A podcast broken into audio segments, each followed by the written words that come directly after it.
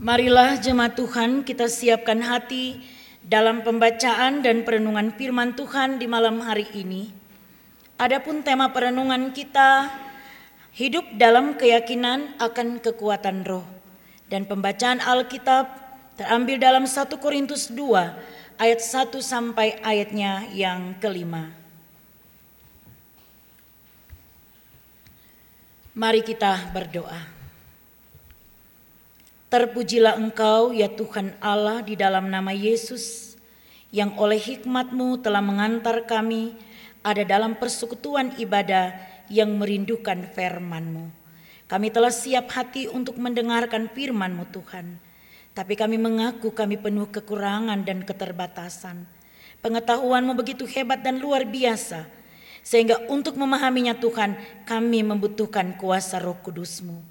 Karena itu Tuhan hamba mohon urapilah hambamu yang akan membacakan firman, hambamu yang akan memberitakan firman, dan semua jemaat yang akan mendengarkannya.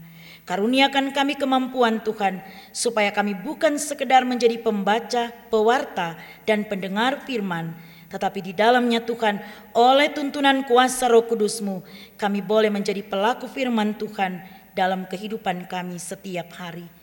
Berfirmanlah bagi kami Tuhan dan berkuasalah dengan hikmatmu. Dalam nama Yesus kami sambut firmanmu ini. Amin. 1 Korintus pasal 2 ayat 1 sampai ayatnya yang kelima. Hikmat Allah dan hikmat manusia. Demikianlah pula ketika aku datang kepadamu saudara-saudara, Aku tidak datang dengan kata-kata yang indah atau dengan hikmat untuk menyampaikan kesaksian Allah kepada kamu. Sebab aku telah memutuskan untuk tidak mengetahui apa-apa di antara kamu selain Yesus Kristus, yaitu Dia yang disalibkan. Aku juga telah datang kepadamu dalam kelemahan dan dengan sangat takut dan gentar. Baik perkataanku maupun pemberitaanku tidak kusampaikan dengan kata-kata hikmat yang meyakinkan, tetapi dengan keyakinan akan kekuatan roh, supaya iman kamu jangan bergantung pada hikmat manusia, tetapi pada kekuatan Allah. Demikianlah firman Tuhan, berbahagialah setiap kita yang mendengar, membaca, bahkan melakukan firman itu dengan penuh sukacita. Haleluya.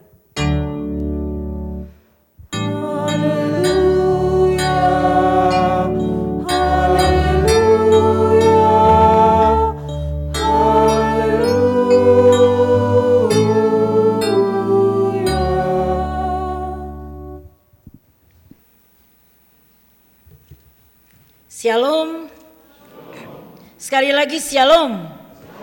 Saudara-saudaraku yang dikasih dan diberkati oleh Tuhan kita Yesus Kristus malam hari ini kita akan merenungkan satu tema yang mengatakan hidup dalam keyakinan akan kekuatan roh. Hidup dalam keyakinan akan kekuatan roh. Dan tema ini akan mengantar saya dan saudara untuk memahami bahwa betapa pentingnya keyakinan akan kekuatan roh itu yang akan mengantar saya dan saudara memahami dengan benar apa yang dikehendaki Allah di dalam kehidupan kita, tetapi bagaimana kita mengutamakan hikmat yang berasal dari Allah di dalam kita menjalani kehidupan kita di tengah-tengah dunia ini.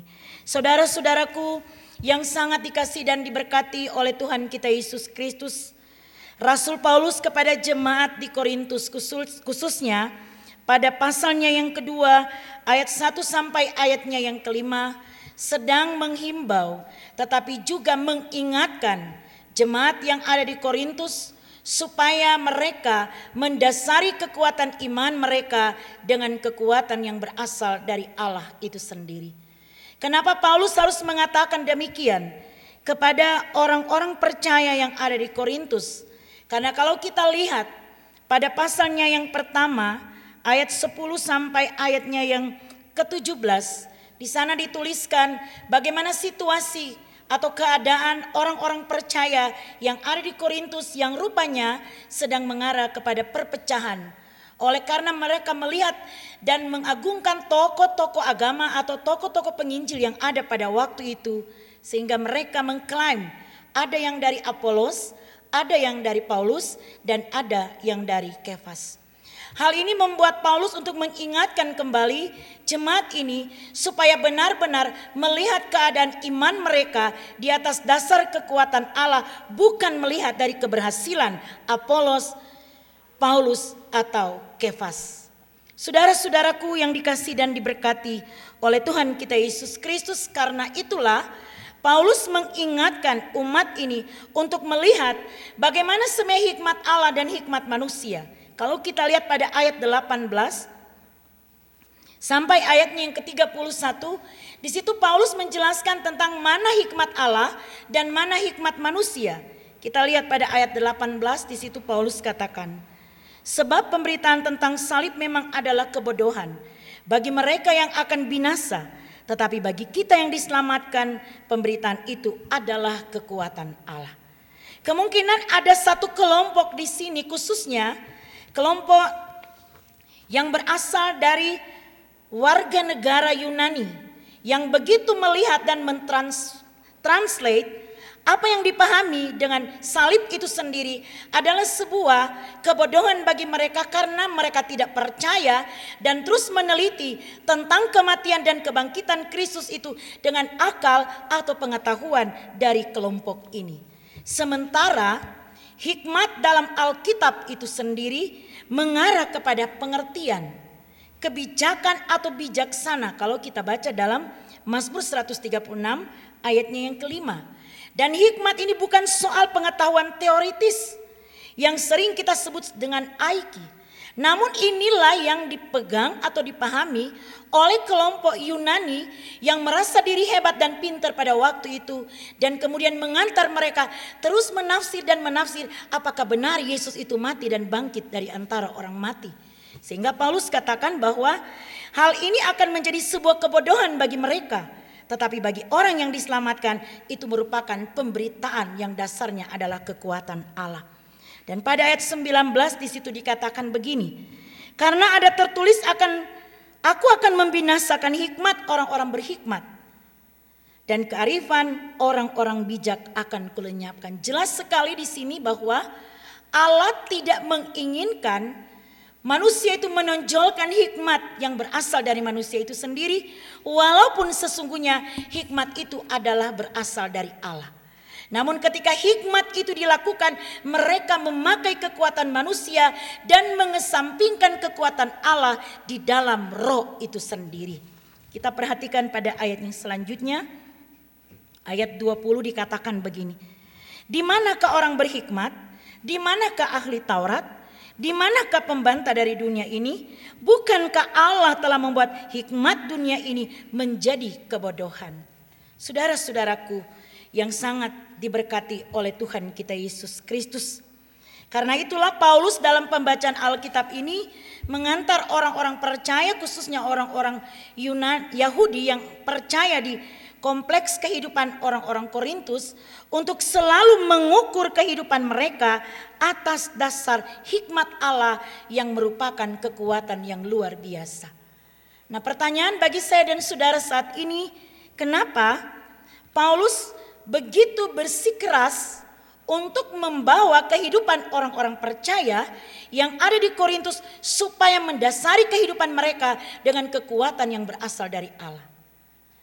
Kita kenal Paulus ini, awalnya dia adalah seorang yang sangat membenci pengikut Kristus, tetapi ketika dia berjumpa dengan Yesus dalam perjalanannya ke Damsik, totalitas kehidupan Paulus ini diubahkan oleh Kristus.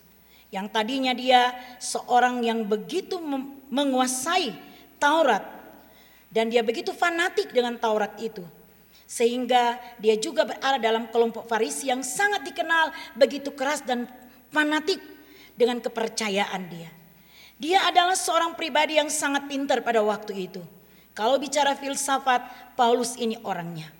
Tetapi kemudian ketika dia berjumpa dengan Kristus, Manakala dia mau menuju ke Damsik, sesungguhnya dia diubahkan secara total oleh perjumpaan itu dan mulai dari situ dia tidak pernah berbicara dengan kehebatannya, namun dia melihat segala sesuatu yang dia bicarakan atas dasar kematian dan kebangkitan Kristus. Kita lihat pada ayatnya yang pertama dan kedua, pada pasal pembacaan Alkitab kita di saat ini dikatakan begini. Demikian pula ketika aku datang kepadamu saudara-saudara, aku tidak datang dengan kata-kata yang indah atau dengan hikmat untuk menyampaikan kesaksian Allah kepadamu Sebab aku telah memutuskan untuk tidak mengetahui apa-apa di antara kamu selain Yesus Kristus, yaitu Dia yang disalibkan. Artinya di sini bahwa pola pelayanan Paulus tetapi juga pemikiran dan gaya hidup Paulus itu sendiri selalu mengarah kepada teologi Kristus itu sendiri yang berangkat dari kematian dan kebangkitannya. Dan karena itu inilah teologi pelayanan Paulus yang selalu menginginkan supaya hikmat manusia jangan menguasai orang percaya. Tetapi orang percaya harus membangun satu komitmen bahwa sesungguhnya di dalam kehidupan iman, iman itu harus didasari dengan kekuatan Allah atau hikmat itu sendiri dalam tuntunan Roh Kudus. Saudara-saudaraku yang sangat dikasih dan diberkati oleh Tuhan kita Yesus Kristus, Paulus yang datang dengan penuh kerendahan hati di tengah-tengah kehidupan orang percaya di Korintus. Kita lihat pada ayatnya yang ketiga. Di situ dikatakan begini. Aku juga telah datang kepadamu dalam kelemahan dan dengan sangat takut dan gentar. Dan ayat 4, baik perkataanku maupun pemberitaanku tidak kusampaikan dengan kata-kata hikmat. Yang saya katakan di awal tadi bahwa hikmat itu adalah anugerah Allah. Tetapi ketika hikmat dalam kehidupan manusia itu dikendalikan oleh manusia, maka tentunya hikmat Allah itu tidak akan berperan sesungguhnya di dalam kehidupan manusia. Dan karena itu Paulus mau meyakinkan orang-orang percaya yang ada di Korintus supaya mereka bercermin kepada diri Paulus yang katanya dia tidak menyampaikan dengan kata-kata hikmat yang meyakinkan tetapi dengan keyakinan akan kekuatan roh. Nah, di sini kita bertanya, kalau di atas Paulus bilang bahwa dia tidak mengetahui apa-apa, selain Yesus Kristus yang telah disalibkan. Dan pada ayat yang kita baca pada saat ini, dia berbicara bahwa sesungguhnya karena keyakinan dan kekuatan di dalam roh. Paulus mau mengajarkan kepada orang-orang Korintus bahwa dalam diri Kristus tidak terpisahkan dengan roh itu sendiri. Dan Paulus sedang berbicara dengan Trinitas Allah itu sendiri yang sesungguhnya totalitas memuat hikmat atau kekuatan yang harus dimiliki oleh setiap orang yang sudah mengaku Yesus Kristus sebagai juru selamat di dalam kehidupannya. Dengan alasan bagi Paulus supaya iman kamu jangan bergantung pada hikmat manusia tetapi pada kekuatan Allah. Jadi Paulus katakan bahwa supaya hikmat kamu bercermin pada diri Paulus yang selalu datang atas dasar kematian dan kebangkitan Kristus, tetapi dengan kata-kata yang didasari dengan kekuatan roh itu sendiri. Maka demikian iman itu bukan bertumbuh dari kekuatan manusia, tetapi pada kekuatan Allah. Saudara-saudaraku yang dikasih Tuhan, kenapa Paulus mengatakan hal ini kepada mereka? Kenapa situasi ini harus terjadi? Kenapa jemaat ini harus mengarah kepada perpecahan yang bukan sekedar kehadiran figur-figur para penginjil tadi yang saya katakan Apolos, Kefas, dan Paulus. Tetapi kita coba lihat lagi keadaan kota Korintus. Kota Korintus adalah kota pelabuhan yang menjadi pusat perdagangan. Dan kemudian kota ini dilihat sebagai kota yang sangat majemuk. Ada banyak orang pintar di sana. Orang Yunani yang begitu menonjol dengan kepintaran dan kehebatan mereka yang rupanya juga mempengaruhi cara berpikir dari orang-orang Yahudi dan orang-orang percaya yang sudah menerima kuasa Roh Kudus pada waktu itu. Karena itu kemajemukan inilah juga yang kemudian semakin mendorong orang-orang percaya cenderung memakai hikmat manusia daripada hikmat Allah itu sendiri. Karena itu mereka rupanya akan mengalami perpecahan. Saudara-saudaraku yang sangat dikasih dan diberkati oleh Tuhan kita Yesus Kristus, berbicara tentang hikmat inilah, Maka saya dan saudara yang sudah percaya kepada Yesus Kristus yang mati dan bangkit dari antara orang mati. Sesungguhnya kita harus mendasari kehidupan kita dengan kekuatan yang berasal dari Allah, yaitu hikmat yang bisa berjalan dengan sempurna dalam hidup kita ketika kita hidup dalam kekuatan Roh Kudus itu sendiri. Saudara-saudaraku yang sangat dikasih dan diberkati Tuhan, tema kita di malam hari ini berbicara hidup dalam keyakinan akan kekuatan roh. Hidup dalam keyakinan akan kekuatan roh. Artinya, kehidupan saya dan saudara saat ini ketika bercermin pada pengalaman hidup Paulus dan karena itu orang-orang percaya yang ada di Korintus. Maka betapa pentingnya kita membangun satu keyakinan yang memiliki kekuatan roh itu sendiri. Betapa pentingnya kekuatan roh itu ada di dalam kehidupan saya dan saudara. Yang di dalamnya memuat hikmat Allah yang begitu sempurna. Yang akan mengantar saya dan saudara mengenal mana kehendak Allah dan mana yang bukan kehendak Allah. Saudara-saudara coba bayangkan kalau dalam kehidupan saudara-saudara saat ini tidak ada keyakinan akan kekuatan roh. Apa yang akan terjadi saudara-saudara? Kita lihat konteks kehidupan orang-orang percaya yang ada di Korintus. Yang rupanya mengesampingkan kekuatan Allah itu dan cenderung hidup dalam pengetahuan dan kehebatan mereka sebagai orang-orang yang pintar dan luar biasa pada saat itu. Apa yang akan terjadi dalam hidup saya dan saudara? Tentunya mungkin kita akan mengalami kendala dalam kehidupan kita.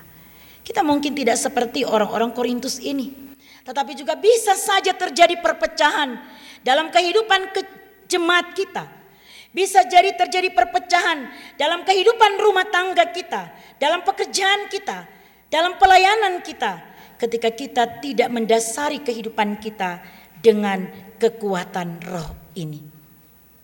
Saudara-saudara bisa pahami bahwa kekuatan roh ini berangkat dari kematian dan kebangkitan Kristus. Dan dari kematian dan kebangkitan Kristus itulah kita memiliki satu kekuatan yang luar biasa yang akan mengantar kehidupan kita sekalian bisa mencapai tujuan hidup kita bukan dilihat dari kekuatan kita tetapi dilihat dari kekuatan Allah yang luar biasa yang ada di dalam kehidupan saudara-saudara. Dengan kekuatan roh inilah kita bisa mencapai kehidupan kita yang di dalamnya ada damai sejahtera, ada sukacita, ada kebahagiaan dan ada kesuksesan. Tetapi lebih daripada itu, dengan kekuatan roh ini, walaupun mungkin ada kegagalan, tapi kegagalan itu akan diubahkan oleh Tuhan dengan kesuksesan yang luar biasa. Karena itu saudara-saudara, jangan kita mengesampingkan kekuatan roh ini. Jangan kita mengesampingkan kekuatan Allah ini di dalam kematian dan kebangkitan Kristus. Jadi kita harus lihat kematian dan kebangkitan Kristus inilah yang kemudian mengantar kehidupan saya dan saudara memiliki kekuatan yang luar biasa di dalam roh Allah itu sendiri. Dan saya yakin saudara-saudara adalah orang yang percaya seutuhnya kepada Kristus yang mati dan bangkit. Saudara-saudara yakin itu? Yakin? Dan dengan keyakinan saudara-saudara inilah mengantar saudara-saudara untuk setiap kali mengambil keputusan, dasarilah keputusan itu dengan kekuatan Allah. Kita lihat Paulus ketika dia mau menyelesaikan persoalan yang ada di jemaat Korintus, dia tidak melihat persoalan yang ada, tetapi dia melihat Kristus yang mati dan bangkit yang menjadi dasar dari bagaimana dia menyelesaikan persoalan yang ada. Saudara-saudaraku, yang sangat dikasih dan diberkati oleh Tuhan kita Yesus Kristus. Dalam kehidupan keseharian kita juga, kita tetap hidup di dalam kekuatan Allah itu sendiri. Karena tanpa kekuatan Allah, bukan tidak mungkin kita akan menganggap atau mengklaim diri kita hebat dan luar biasa.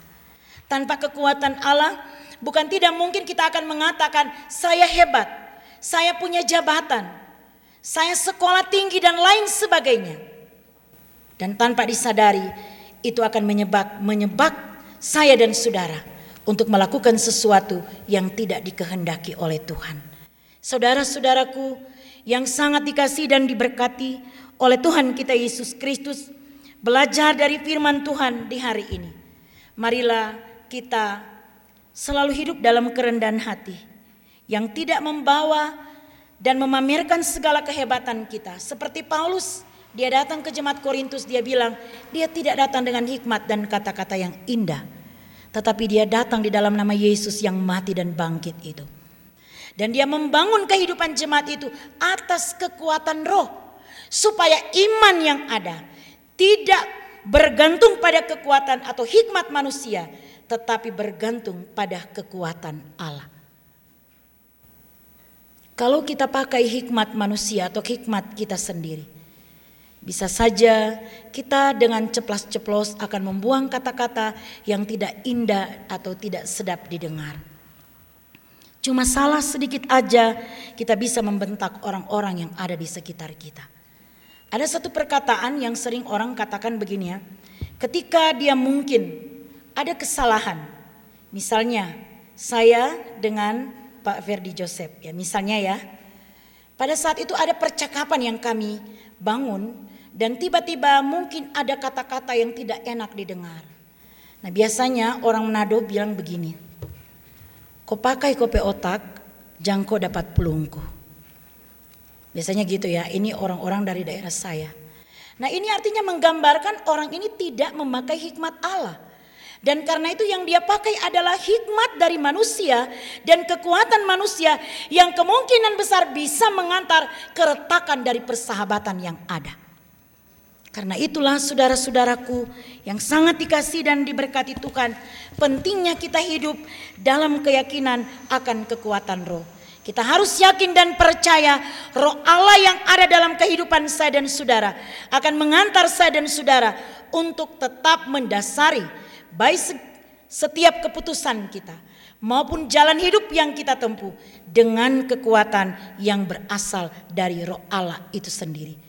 Sehingga saya jamin saudara-saudara akan bisa menggapai apa yang menjadi harapan saudara-saudara hari ini, esok, dan seterusnya. Tuhan memberkati firman-Nya bagi kita dan akan memampukan kita sekalian hidup dalam keyakinan akan kekuatan roh di sepanjang kehidupan kita. Amin. Jemaat yang dikasih dan diberkati oleh Tuhan kita Yesus Kristus, Kita akan datang dalam doa syafaat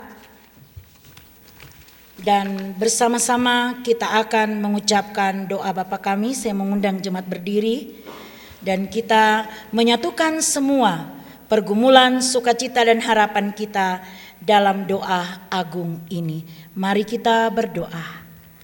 Bapa kami di dalam surga, dikuduskanlah namamu. Datanglah kerajaanmu Jadilah kehendakmu di bumi seperti di sorga. Berikanlah kami pada hari ini makanan kami yang secukupnya. Dan ampunilah akan kesalahan kami. Seperti kami juga mengampuni orang yang bersalah kepada kami. Dan janganlah membawa kami ke dalam pencobaan. Tapi lepaskan kami daripada yang jahat. Karena engkau yang punya kerajaan dan kuasa dan kemuliaan sampai selama-lamanya. Amin.